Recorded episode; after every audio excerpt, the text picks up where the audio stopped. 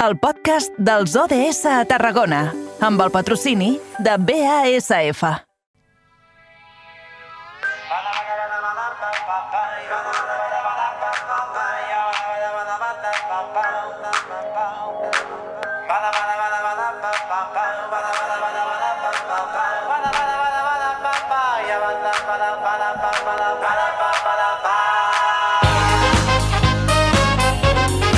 Va, que ara sí, com dèiem, encarem aquesta tercera hora de programa i com sempre ho fem mirant cap al futur, mirem cap al 2030 amb els ODS, els Objectius de Desenvolupament Sostenible i avui ens centrarem en el número 13 d'accions pel clima, ja que fins al 10 de març s'està realitzant una consulta prèvia per la creació del nou Parc Natural de les Muntanyes de Prades.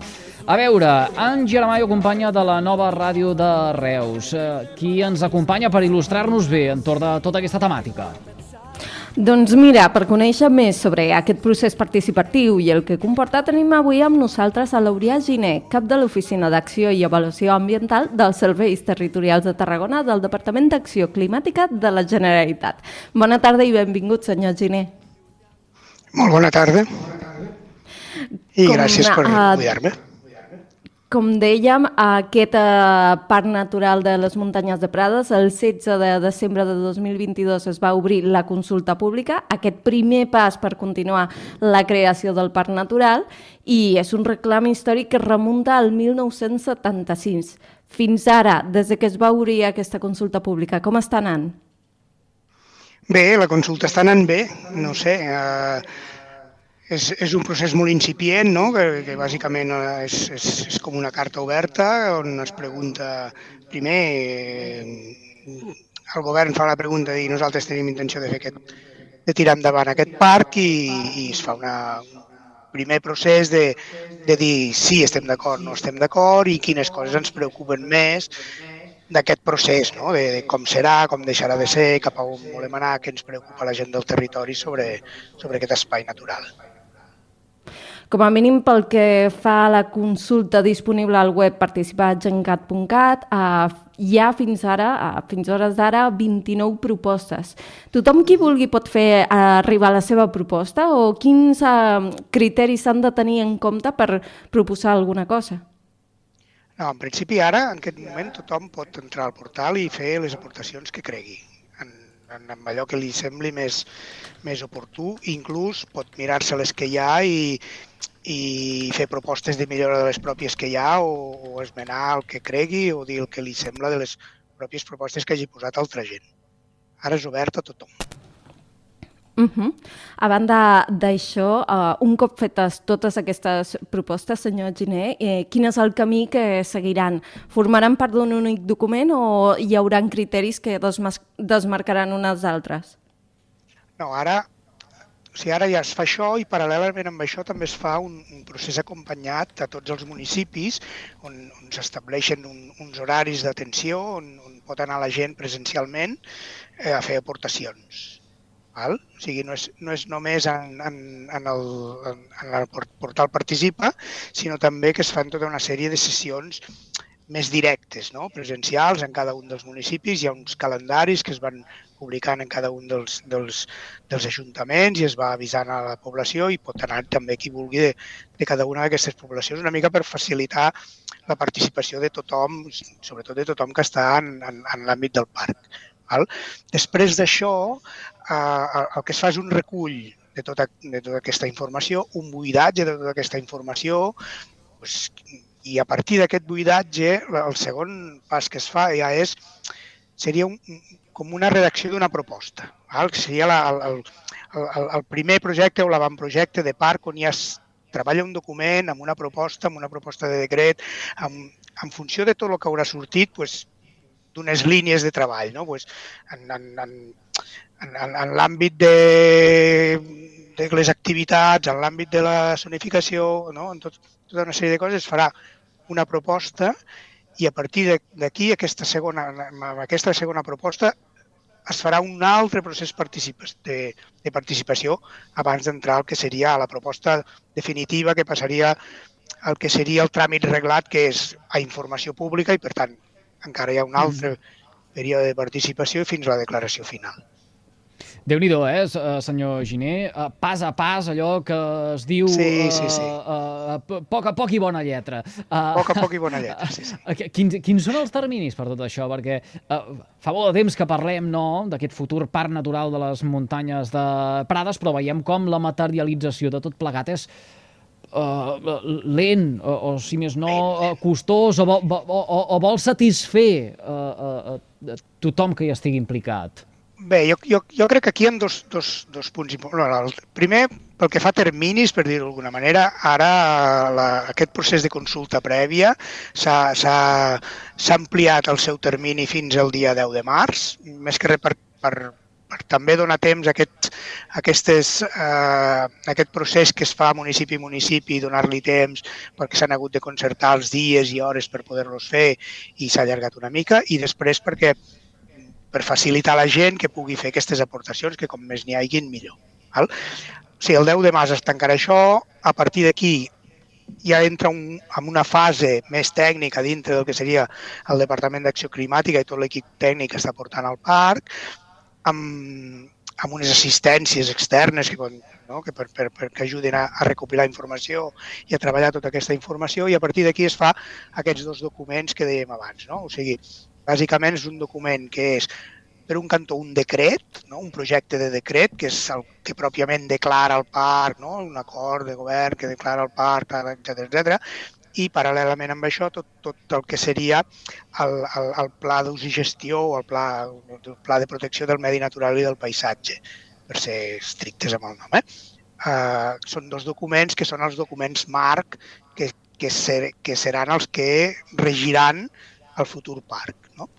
Clar, mm. aquests documents es fan en base a tota aquesta participació, però després, un cop tenim aquests documents marc, que jo, la previsió és que des d'ara fins aproximadament a principis d'estiu o així ja es tinguin aquests documents més o menys redactats, aleshores s'entra en la segona fase de participació que ja és, ja és una participació una mica molt més eh, que sabem de, amb una proposta concreta o amb una proposta més o menys esbossada damunt de la taula, on, on aquesta participació ja es fa amb, amb, amb, amb uns canals també diferents, es fan grups temàtics, per exemple, grups d'interès que puguin, es fan reunions temàtiques per, per, jo què sé, no? per sector agrari, per sector forestal, uh, per, uh, per sector turístic, no? per, per sector urbanístic, o sigui, són, són ja uns, un, una, participació com, com molt més centrada en temàtiques i anar a buscar amb gent que, mm, que té per sectors, vaja, clarament amb... actors bàsics del, de la gestió d'aquest territori.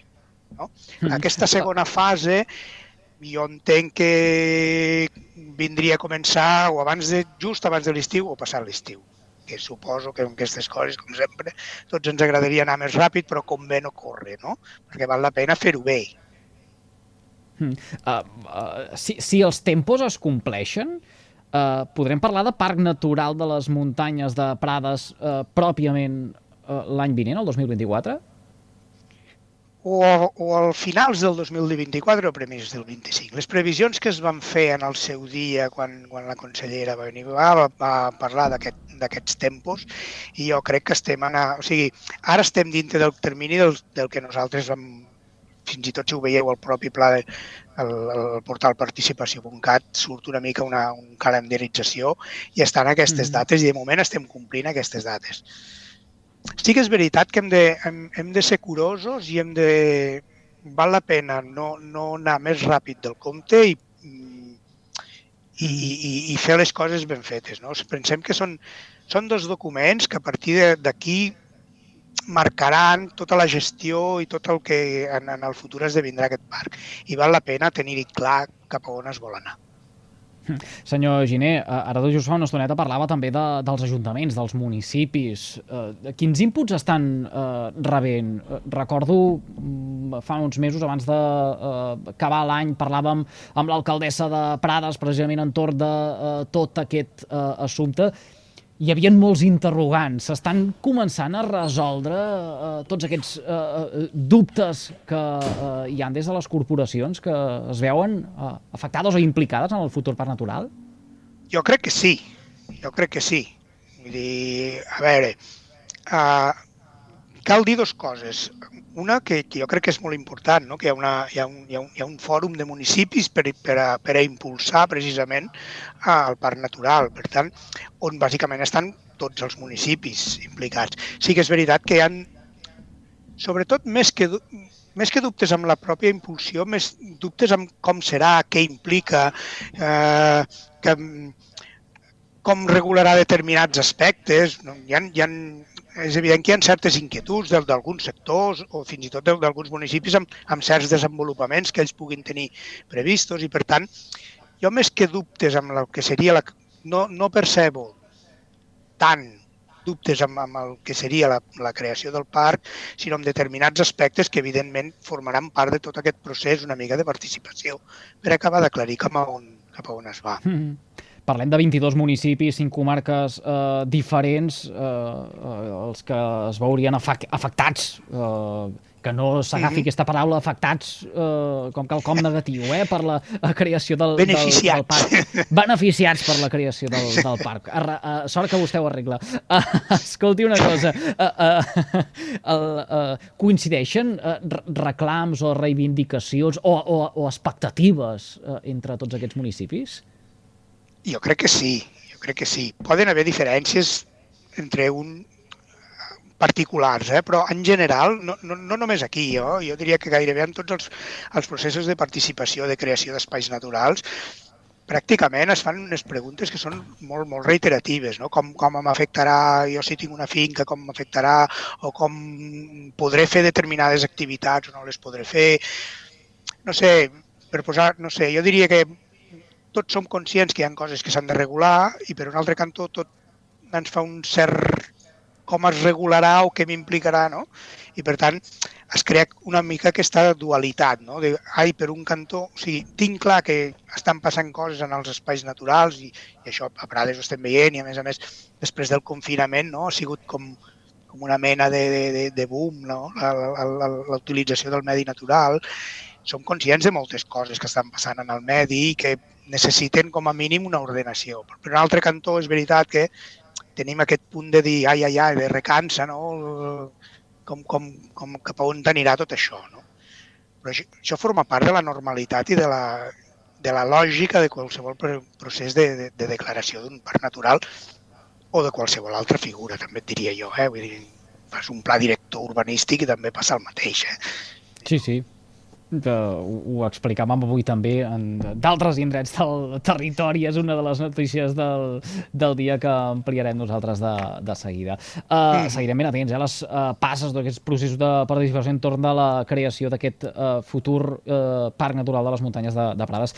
Senyor Gini, li agraïm que, que hagi fet confiança als micròfons del carrer Major de les emissores de la xarxa al Camp de uh, Tarragona. Uh, seguirem pas a pas com es va avançant i de ben segur que en tornarem a parlar pues res, moltíssimes gràcies a vosaltres de, de fer aquests programes. No? Que sempre està gràcies. Bé. Que vagi molt bé. Bona tarda. Bona tarda. Els objectius de desenvolupament sostenible avui eh, de la mà del cap de l'Oficina d'Acció i Avaluació Ambiental dels Serveis Territorials a Tarragona del Departament d'Acció Climàtica de la Generalitat. Ja saben tots vostès que cada dia enfoguem la mirada al 2030 per eh, avançar i sobretot per no fer tard en la consecució dels objectius de l'agenda. Angi, ho hem de deixar. Gràcies per tot, que acabis de passar un bon dijous a reveure. Adeu.